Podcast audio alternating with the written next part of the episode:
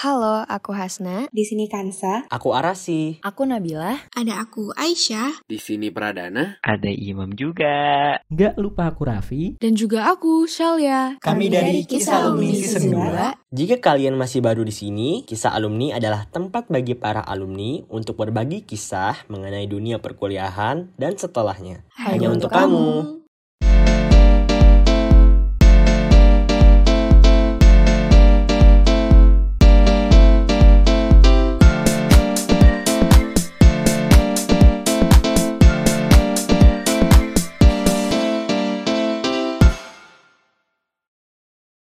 Halo semuanya, selamat datang di Kisah Alumni, tempat di mana kita semua berbagi tentang alumni.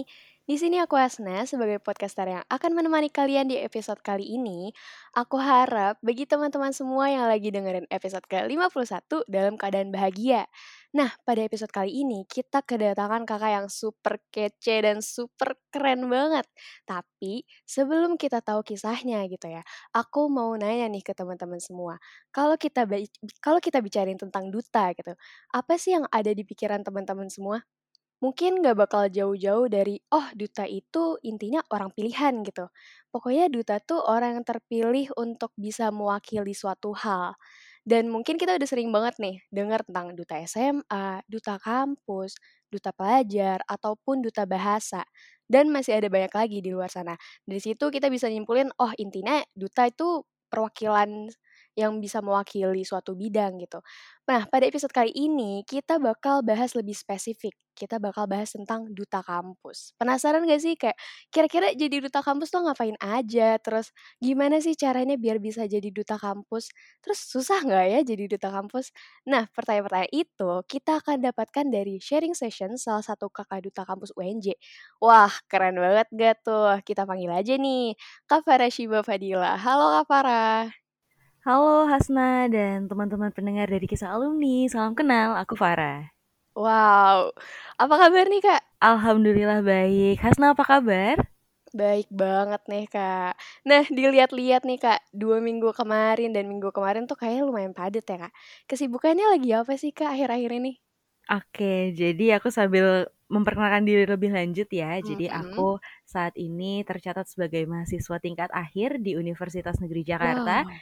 Jurusan Pendidikan Bahasa Inggris di Fakultas Bahasa dan Seni. Seperti yang udah aku singgung sebelumnya ya, sebagai mahasiswa akhir, pastinya tugas utama aku sekarang adalah menyelesaikan skripsi dan melakukan Betul. penelitian untuk tugas akhir. Biar aku bisa cepet-cepet dapat gelar SPD gitu lah. Oh, bener banget. Tapi Wow. Mhm. iya, tapi di samping itu aku juga, eee, masih aktif untuk beberapa pekerjaan yang sifatnya part-time dan situasional gitu. Itu aja sih untuk kesibukan aku saat Hmm. ini. Wah, keren banget. Semangat untuk Kakak. Semoga semuanya dimudahkan dan bisa memberikan hasil yang terbaik gitu, Kak. Dan bisa cepet-cepet SPD, Kak, pastinya, ya nggak? Amin amin, mohon doanya. Hmm, oke. Nah, kita bener-bener tertarik banget nih, Kak, mengenai kisah Kakak menjadi seorang duta kampus gitu ya. Karena sebelumnya tuh kita belum pernah dapet nih, Kak, eee, kisah seorang duta kampus. Jadi masih banyak banget nih pertanyaan-pertanyaan gitu ya. Duta kampus tuh apa? Terus ngapain aja gitu. Mungkin dari namanya dulu nih, Kak, duta kampus. Jadi duta kampus tuh sebenarnya apa sih, Kak? Oke, pertanyaannya menarik nih ya. Jadi duta kampus seperti yang tadi di intro Hasna udah, eee, jelasin kepada teman-teman kisah alumni, jadi duta kampus itu Mhm. adalah representatif ya. Jadi orang-orang terpilih yang menjadi representatif atau menjadi perwakilan dari suatu, eee, lembaga, institusi, atau organisasi. Nah, di sini kasus aku kok kasus ya? Di Iya. sini, eee, aku, eee, sebagai duta kampus adalah orang yang terpilih untuk mewakili kampus. Mewakili dalam hal apa? Eee, kurang lebih mewakili dalam urusan branding atau penjenamaan gitu. Jadi wajah-wajah Mmm. depan mukanya nih gitu ya, wajah-wajah kampus itu terletak Mhm, pada duta wow. kampus, seperti itu. Wah, keren banget. Dan aku juga sempat lihat nih, Kakak juga terpilih menjadi MAPRES ya, Kak, Mahasiswa Berprestasi FBS 2022. Nah, itu tuh kira-kira ya, Kak, yang membedakan antara mahasiswa berprestasi dengan duta kampus tuh apa? Karena kalau kita lihat dari kesamaannya gitu ya, MAPRES sama duta kampus, oh sama-sama orang Mhm. pilihan gitu, sama-sama orang yang terpilih gitu ya. Tapi apa sih yang membedakan secara spesifik gitu? Yang membedakan antara mahasiswa berprestasi dan juga duta kampus? Oke, ini pertanyaannya sering banget muncul nih ya dari teman-teman terdekat aku atau dari Hmm. adik-adik tingkat aku di kuliah maupun di SMA gitu. Mereka tuh sering banget nanya kayak, "Kak, emang bedanya Mapres sama Duta tuh apa sih? Bukannya sama-sama keren ya?" gitu. Sama-sama pakai selempang. Kalau di Iya. kampus aku tuh Mapres juga ada selempang yang selempang juara gitu. Tapi Oh, sebenarnya heeh. ada yang membedakan gitu. Pasti ada perbedaannya. Mhm. Nah, kalau untuk Duta sendiri nih, aku ngejelasin Duta.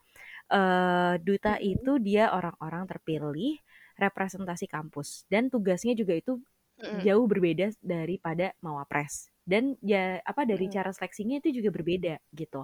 Kalau di. Duta itu kita ada audisinya, ada seleksinya. Seleksinya tuh bisa 3 sampai 4 tahap gitu, tergantung sama, eee, substansi yang mau diujikan gitu dari masing-masing, eee, organisasi dutanya itu sendiri. Nah, kalau aku dulu di Duta. UNJ, total itu ada 4 kali seleksi. Eee, seleksi yang pertama itu adalah seleksi berkas, seleksi kedua dan ketiga itu kita, mmm, waktu itu aku pemilihannya online ya, jadi full Zoom conference Mhm. gitu.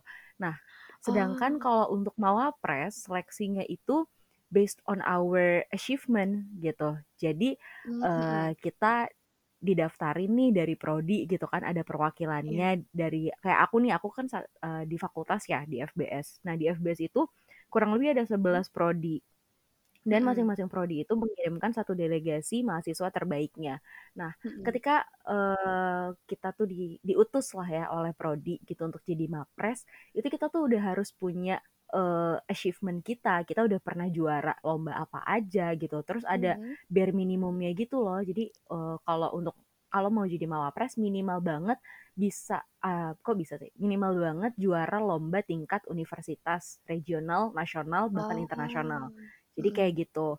Dan ketika Mawapres itu kita juga harus, eee, membuat gagasan inovatif atau gagasan kreatif gitu. Jadi, eee, Mhm. kita analisis nih, kita buat penelitian lah ceritanya. Eee, ada Mhm. permasalahan apa sih di sekitar kita yang relate sama SDGs dan gimana cara kita sebagai mahasiswa menggunakan keilmuan yang kita punya based on our, eee, apa, program studi gitu ya, based on our Mhm. study program, gimana caranya kita bisa berkontribusi ke masyarakat untuk menyelesaikan masalah tersebut. Itu bedanya antara Duta sama Wah, Mawapres. Jadi kayak gitu. Wah, Tapi dua-duanya keren. sama-sama keren jujur. Iya, bener bener, sama-sama keren. Karena sama-sama jadi role model juga nggak sih, Kak? Role model untuk Betul. mahasiswa yang lainnya, kayak gitu. Nah, eee, aku juga lihat ya, aku kira itu duta kampus itu cuman, oke ini duta kampus 1, tek tek tek, udah kelar gitu. Tapi ternyata duta kampus tuh ada duta utama, duta wakil 1, duta wakil 2. Mhm. Nah, itu tuh apa yang membedakan antara semua itu tuh? Apakah ada tugas yang berbeda antara duta wakil 1, duta wakil 2 gitu? Oke. Eee, aku nggak tahu ya kalau untuk duta kampus yang lain seperti apa, Mhm. tapi kalau in my case di Duta UNJ itu, Mhm. eee, kita tuh emang punya title-nya gitu. Ada, eee, Iya. Duta UNJ, terus ada wakil 1, wakil 2, dan lain sebagainya gitu. Tapi Mhm. sebetulnya tugasnya kita tuh semua sama. Jadi nggak ada Mhm. yang berat sebelah, nggak ada yang, "Ah, eee, kamu kan juara, kamu kan wakil 1, kamu kan wakil 2, jadi tugasnya lebih banyak ya," gitu. Enggak, nggak ada Mhm. sama sekali. Semua dikasih Ah. tugas sama rata, sama rasa gitu. Jadi nggak ada Oh. diskriminasi, nggak ada kayak semacam diistimewakan lah ya gitu. Semuanya sama, nggak ada perbedaan sama sekali. Dan untuk titel itu, titel juara itu hanya Mhm. bertahan kayak cuma buat 1 malam doang. Gitu Oh. sih. Jadi kayak Jadi aslinya sama-sama aja gitu? gitu. Ah, Artinya iya, heeh. aslinya itu sama, sama banget. Heeh. Dan, Oh, eee, mhm. ketika kita dapet title-nya gitu kan kayak juara 1, wakil 1, Mhm. wakil 2, dan lain sebagainya, Mhm. itu purely memang hasil penilaian, eee, Mhm. selama kita masa karantina. Jadi kalau di Mhm. di Duta tuh ada masa karantina namanya. Selama Iya. kita karantina, terus ada performance-performance yang memang kita lakukan, Mhm. penugasan-penugasan yang kita lakukan, sampai di malam final itu ada sesi Q&A, ada opening speech, ada stage walk, dan lain sebagainya, itu semua dinilai. Nah, kalau nilainya bagus, Oh, di gitu. malam itulah kamu jadi juara, Ah, gitu. gitu. Aku kira antara, oh duta wakil 1, duta wakil 2 tuh beda gitu, ada tugasnya masing-masing. Tapi ternyata sama Mhm. aja gitu ya, Kak. Ternyata kita sama-sama bareng-bareng untuk menciptakan branding universitas tuh bareng-bareng, nggak sendiri-sendiri gitu. Betul Wah, banget. keren banget.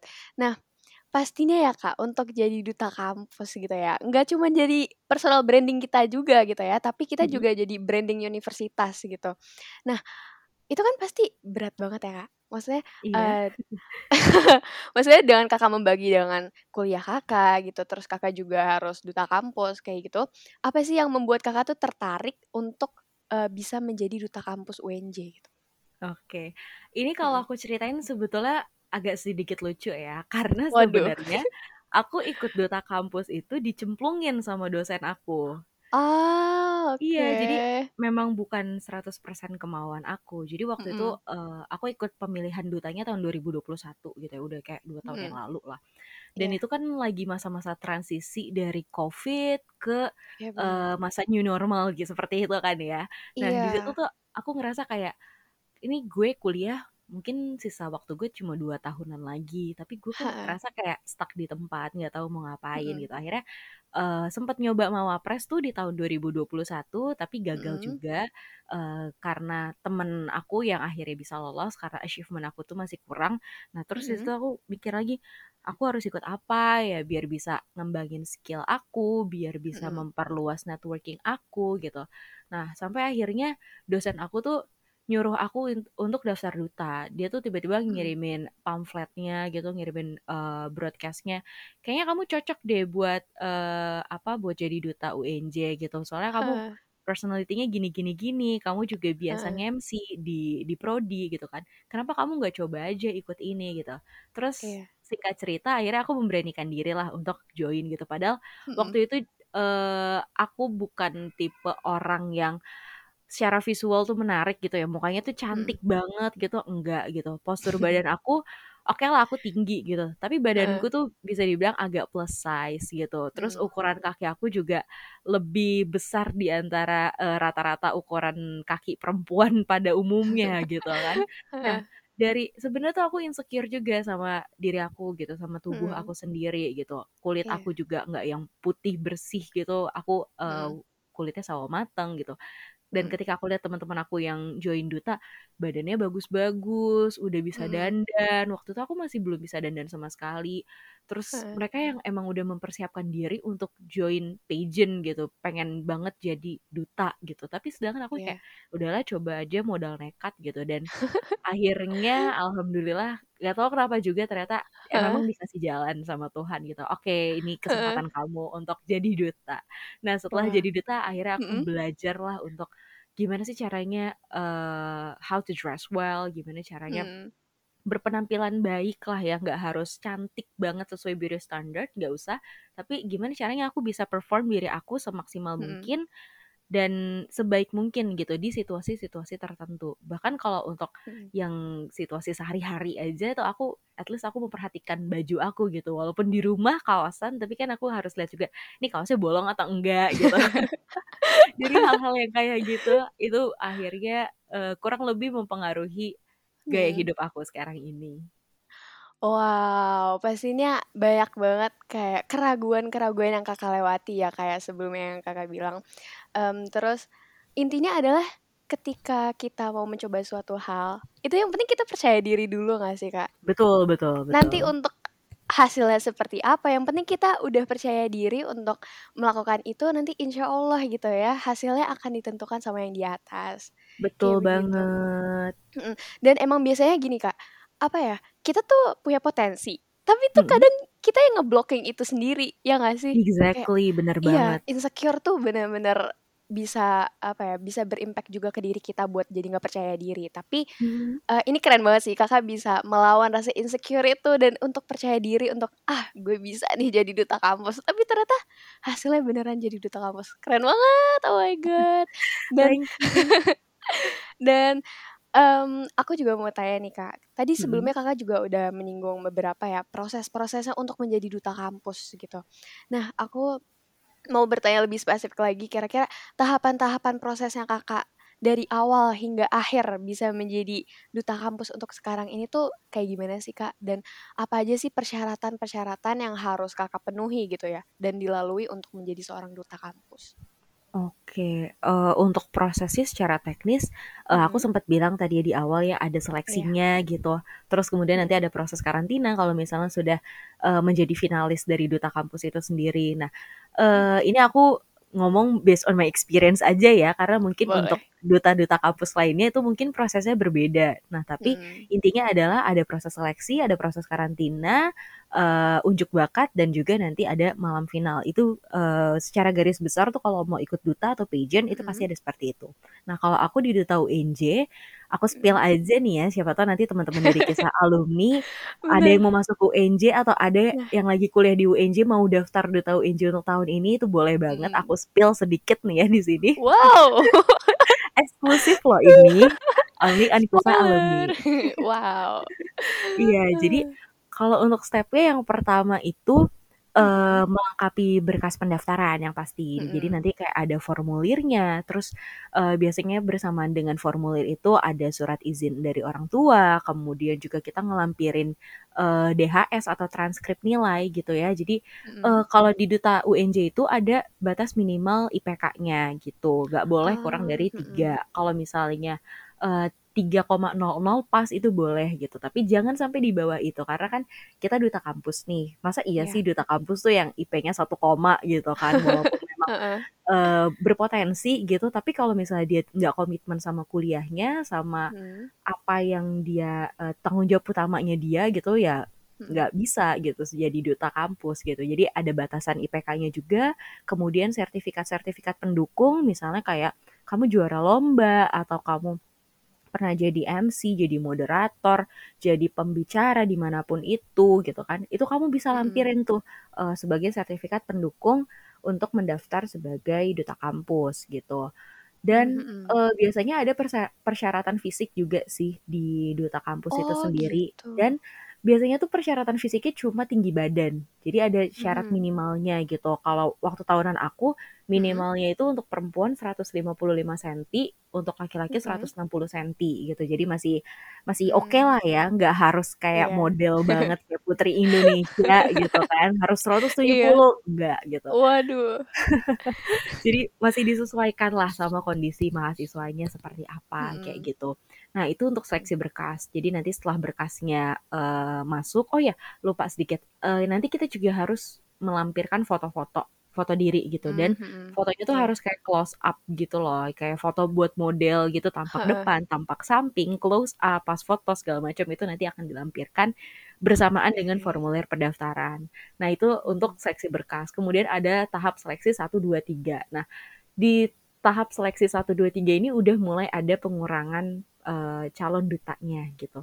Nah, di seleksi Mhm. 1 kalau aku itu dulu, eee, seleksi yang pertama adalah seleksi interview. Jadi di mana kita diinterview oleh orang-orang yang memang kompeten di bidangnya gitu ya, Mhm. senior-senior dari duta kampus, kita ditanya motivasinya apa dan pertanyaannya itu lebih ke psychological question gitu, gimana cara kita, Ah. eee, menyikapi sesuatu, behavioral question namanya, sorry. Mhm. Jadi gimana cara kita memandang suatu masalah, gimana cara kita menyelesaikan masalah, gimana cara kita, eee, mem-branding diri kita seperti apa gitu. Nah, itu di seleksi Mhm. pertama tuh biasanya disaring seperti itu. Kalau misalnya, Heeh. eee, di seleksi pertama udah kedeteksi, oh ini kayaknya orangnya narsistik nih, atau nih orangnya Heeh.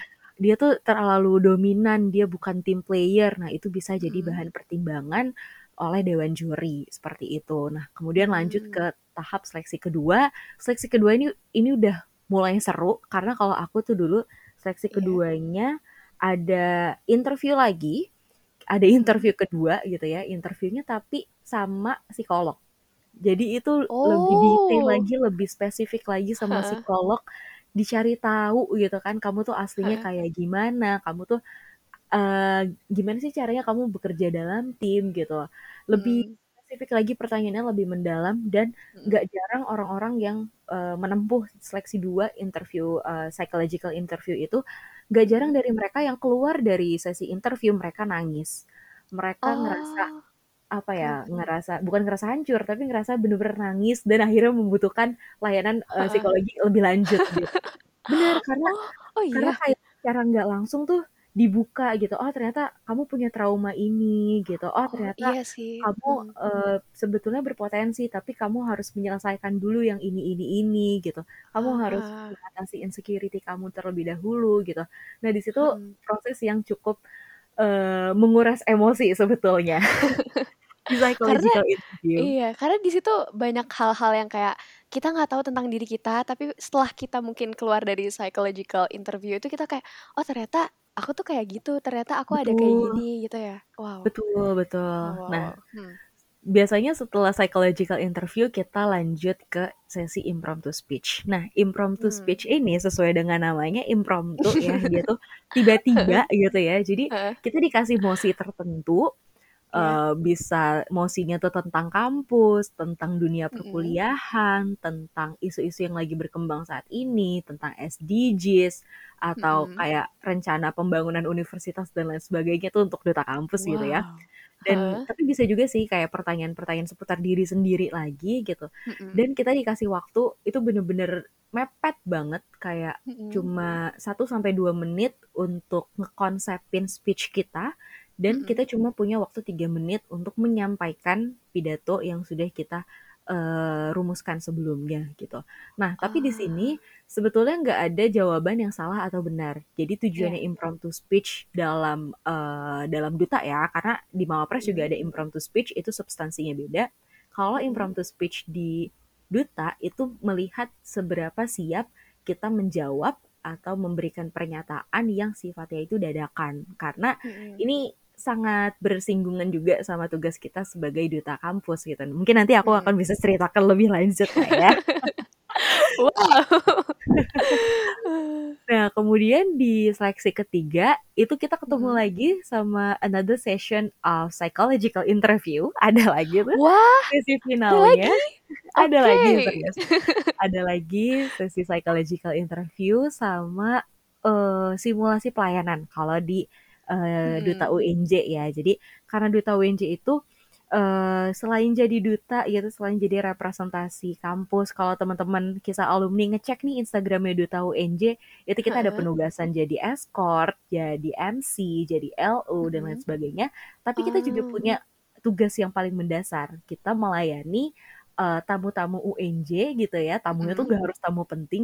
Boleh Iya. misalnya dari teman-teman dari SMA, ada yang mau kunjungan ke kampus kita, kita eh, Mm-mm. ngejelasin sambil kampus tour atau butuh informasi lebih lanjut seputar penerimaan mahasiswa baru di UNJ itu kayak gimana sih prodi yang Iya. favorit itu prodi apa aja nah itu kita juga melakukan itu namanya itu pelayanan ya kita melakukan pelayanan kehumasan secara berkala di humas UNJ jadi kayak gitu Mm-mm. makanya ada simulasi pelayanan nih untuk mengukur Uh, nih wow. kira-kira eh, kalau dikasih pelayanan dia bisa ngehandle nggak ya gitu kalau misalnya iya. pelayanan yang marah-marah itu dia gimana gitu karena karena itu benar itu kejadian sih Oh iya.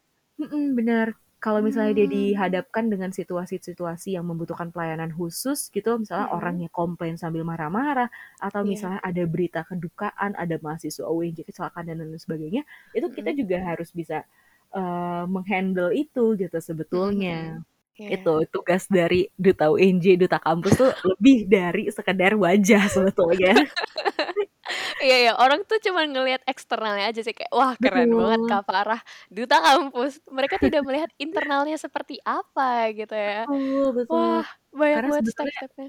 Lebih dalam lagi lebih kompleks lagi daripada sekedar ya udah yang penting lo cantik lo bisa Heeh, catwalk heeh. gitu kan bisa mem- menampilkan yang terbaik gitu kan iya, sebenarnya itu heeh. jauh lebih dalam daripada itu Kamu nggak tahu bagaimana caranya melayani orang-orang gitu ya. Di mana kita dihadapkan dengan situasi yang berbeda-beda, yang di mana kita harus kayak tetap oke stay calm. Apa pun yang terjadi kita harus stay calm betul dan memberikan yang terbaik gitu ya. Karena betul banget duta kampus branding universitas nih, di branding universitas ada di kita gitu ya kak. Wah betul keren banget dan itu kurang lebih berapa lama tuh kak untuk prosesi menjadi duta kampusnya? Eh, untuk prosesnya total dari seleksi, kalau seleksi itu Mm-mm. sekitar satu bulan, tapi nggak full satu bulan Hmm, kita mm-mm. dites-tes mulu ya, tapi kayak Iya, misalnya pekan pertama itu seleksi berkas, terus pekan iya, keduanya seleksi pertama, pekan ketiga heeh, seleksi kedua, dan seterusnya sampai seleksi terakhir gitu. Nah, mm-mm. kemudian uh, setelah seleksi ketiga sudah selesai, nanti diumumkanlah Mhm. calon-calon dutanya, calon-calon finalisnya gitu ya. Mhm. Uh, baru deh kita ikut namanya sesi karantina. Dan sesi karantina itu Hmm. berlangsung selama satu bulan penuh. Oh, itu gimana tuh, Kak? Kalau dengan kegiatan kampus kita hari-hari kayak gimana? Oke, jadi kalau untuk karantinanya di Duta Mhm. UNJ itu kita mulainya di uh, sore sampai malam sih, tapi nggak malam-malam Mmm, banget. mhm. Kayak uh, di UNJ itu perkuliahan selesai sekitar jam 4 ya. Jadi Iya. selesai kuliah jam 4, udah tuh kita langsung karantina sampai jam Heeh. 8 malam gitu. Mungkin lewat-lewat dikit setengah 9 gitu. Dan selama Mmm. karantina tuh banyak banget yang kita pelajarin gitu. Ada juga sesi-sesi latihan gitu kayak kita belajar uh, buat public speaking yang oke tuh kayak gimana. Terus kita Mhm. jal- uh, latihan jalan, latihan catwalk gitu. Terus ada Heeh. juga pembekalan-pembekalan. Nah, pembekalan ini uh, masih agenda dari karantina dan itu seru banget sih. Jadi kayak kita Mhm. dapat uh, beauty class untuk perempuan. Kalau untuk Wah. laki-lakinya dapat grooming Heeh. session. Biasanya kita dapat freebies tuh dari sponsor. Oh gitu. Wah. Serius, Itu tuh serius. yang biasanya ditunggu-tunggu gak sih, Kak? Itu beneran itu yang biasanya ditunggu-tunggu sih. Kayak freebies. Oh my Bener, dapat freebies. Terus kita juga bisa dapat skill baru gitu kan. Waktu Iya. itu aku yang paling aku suka ya pembekalannya selain makeup class, Mhm. aku suka banget cross cultural communication karena di situ bener-bener Mhm. out of the box banget deh. Ternyata uh, sebagai duta kampus kita harus siap juga melayani tamu internasional dan ternyata Mhm. cara nge-handle-nya itu beda-beda gitu. Dari gesture-nya, Ah, dari heeh. do and don'ts-nya gitu antara misalnya tamu yang dari Asia, tamu dari Eropa, dari Amerika itu beda banget cara nge-handle-nya. Oh gitu. Tapi selama selama ini Kakak udah kayak ketemu temu tamu dari Eropa kah? Udah. Eee, udah?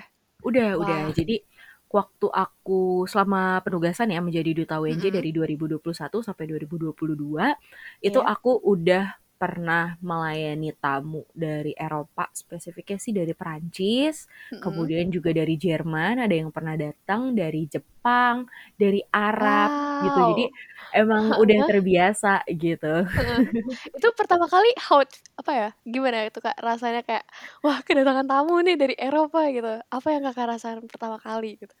Rasanya yang pertama sih jujur kayak siap nggak siap sih. Walaupun Iya. walaupun sebenarnya udah punya basic skill bahasa Inggris gitu Mhm. yang oke Mhm. bisalah untuk speaking, basic speaking masih bisa gitu. Tapi Mmm. ketika dia misalnya tiba-tiba nanya gitu soal kebudayaan Indonesia, tiba-tiba dia nanya, Mhm. "Kenapa sih orang Indonesia kayak gini?" gitu. Atau misalnya sesimpel waktu itu aku sempet, eee, jadi duta, aku nemenin salah satu mahasiswa Perancis yang emang Mhm. lagi berkunjung ke UNJ gitu, dan aku Mhm. kampus tour, terus dia tuh nanya, "Kenapa kok gedungnya kayak gini ya?" gitu. "Kenapa bentuknya kayak gini?" Terus ini sesimpel kadang mereka nanya, "Kenapa kok jualannya, eee, jual makanannya kayak gini di kantin?" Heeh. gitu. "Emang nggak ada tempat Oh. yang lebih baik?" gitu. Dan pertanyaan mereka tuh Heeh. bener-bener kritis gitu. Kadang tiba-tiba nanya, "Kenapa, eee, orang Indonesia tuh suka cuci tangan ya sebelum makan? Kenapa di toilet Indonesia tuh nggak Mhm. ada tisu?" gitu. Karena bi biasanya Heeh. mereka, eee, let's say abis buang air kecil, buang air besar langsung pakai Iya. tisu gitu. Tapi di Indonesia itu Heeh. jarang banget ketemu gitu. Kita, eee, nemunya yang semprotan air gitu. Mereka tuh sekritis itu ternyata. Heeh. Bener-bener kayak pertanyaan-pertanyaan tuh out of the blue semua kayak, "Ah, tunggu, aku pernah mikirin itu," gitu. Ternyata mereka melontarkan pertanyaan-pertanyaan itu dan Bener. Kakak bisa coping with that situation gitu ya, Kak? Iya iya, Mhm. alhamdulillahnya sih bisa gitu. Mhm. Itu itu masih pertanyaan yang dasar. Karena waktu itu aku sempet juga nemenin Mhm. mereka ke museum, waktu itu Mhm. ke Museum Fathahillah sama ke Museum Nasional. Mereka Iya. nanya detail banget, "Kenapa Mhm. topeng dari Bali sama topeng dari Jawa itu mukanya berbeda?" Terus dia Wah. nanya meriam si jagur kenapa eee, bentuknya kan di meriam si jagur tuh ujungnya ketika, eee, apa, di tempat yang untuk masukin pelurunya, itu kan Mhm. ada, apa, bentuk tangannya gitu ya, tangannya Mhm. ada simbol tertentu. Dan dia nanya ke aku, "Ini kenapa bentuknya seperti ini?" gitu. Padahal yang nanya tuh orang Belanda, orang Jerman gitu kan. Se tapi si, mmm, meriam si jagur itu sebenarnya peninggalan Portugis. Aku gimana caranya harus belajar dengan singkat gitu untuk bisa menjelaskan hal-hal kayak gitu ke mereka. Terus akhirnya Kakak gimana tuh untuk menjawab sih itu? bisa. Jadi bisa. Mhm. eh, biasanya tuh kalau kita mau ada penugasan keluar gitu, kita nemenin mereka Mhm. jalan-jalan, kita dikasih tahu tuh, oh kita nanti bakal ke sini ke sini ke sini gitu. Nah udah tuh kita inisiatif lah cari kira-kira apa sih yang biasa apa yang mungkin mereka tanyakan gitu kita cari tahu Iya. gitu sejarahnya apa kita belajar Mhm. juga kalau misalnya udah mepet banget udahlah improvisasi aja gitu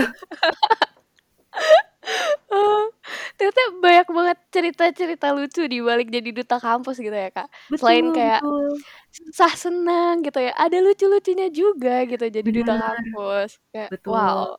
Hmm. Dilihat-lihat sih seru ya, Kak, tapi ada eh, harus berakit-rakit dulu nih sebelum bisa betul jadi betul duta kampus. bener banget karena prosesnya Dan gak mhm. gampang Iya, bener banget. Prosesnya gak gampangnya karena gak semua orang bisa jadi duta kampus gak sih, Kak? exactly itu dia Yes, betul. Dan aku lihat juga banyak banget benefit yang kakak dapat ya dari duta kampus yang awalnya kakak nggak siap dan banyak kayak aduh nggak pede nggak pede nggak pede kakak terobos aja terus akhirnya bisa jadi duta kampus banyak banget benefit yang kakak dapat kayak public speaking yang awalnya nggak bisa make apa pun itu kakak bisa make up. Ternyata banyak juga pelatihan pelatihan yang diberikan ya kak untuk uh, membentuk menjadi duta kampus yang terbaik gitu ya untuk universitas tersebut gitu. Betul. Wow. Gimana nih kak rencana ke depannya Kak Farah? Wah untuk langsung ditodong soal masa depan. Betul. Gimana tuh kak udah semester terakhir gitu ya? Wah ya Allah semangat banget ya kak skripsi Aduh, iya nih. Aduh, kayak kayak bawa beban besar di pundak gitu ya. Mm-mm, Mempertaruhkan betul UKT, uang kuliah dan juga eh, orang tua gitu di balik itu. betul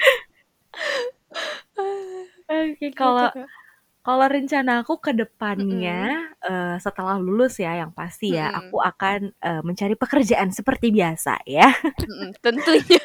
Tentunya gitu ya, karena tidak tentunya mungkin kita akan menjadi pengangguran. Kita harus mencari betul. pekerjaan. betul. Menjadi manusia yang bermanfaat untuk orang lain. Betul, jangan jadi nah pengangguran. Nah Itu juga salah satu eh, poin yang aku ingin tekankan ya, walaupun aku kan Mm-mm, lulusannya memang SPD nih nanti ya, jadi mm-mm, sarjana pendidikan. Mungkin di iya mata orang awam tuh ah SPD mah paling mentok-mentok juga jadi guru gitu. Tapi Mm-mm, enggak gitu. iya SPD tuh enggak cuma jadi guru, bisa jadi eh widya iswara, terus juga bisa Heeh. jadi instructor gitu, bisa jadi Mm-mm, pelatih, bisa jadi peneliti juga. Dan sebenarnya mm-mm, untuk jurusan pendidikan kesempatannya itu terbuka lebar. Bahkan sekarang mm-mm, untuk di startup aja yang fokus ke edutech company itu mereka juga butuh kok anak-anak pendidikan terus juga dari mm-mm, company-company besar ya jadi aku lagi mm-mm, tertarik sama satu bidang namanya learning and development dia tuh masih mm-mm. cabangnya dari HR aku tuh Iya. lagi mendalami sih untuk bidang L&D itu karena aku juga udah Hmm. punya sertifikat kompetensi yang mendukung aku untuk uh, bekerja di bidang L&D dan sekarang sambil Wow. aku skripsi aku juga sambil ngembangin diri untuk uh, bisa masuk ke industri L&D itu sendiri. Amin. Semoga ya Kak bisa masuk. Semangat untuk Kak Farah Amin, atas amin. skripsi dan dikit lagi Kak biar bisa Iya. gelar SPD Kak, ya kan? Iya betul banget.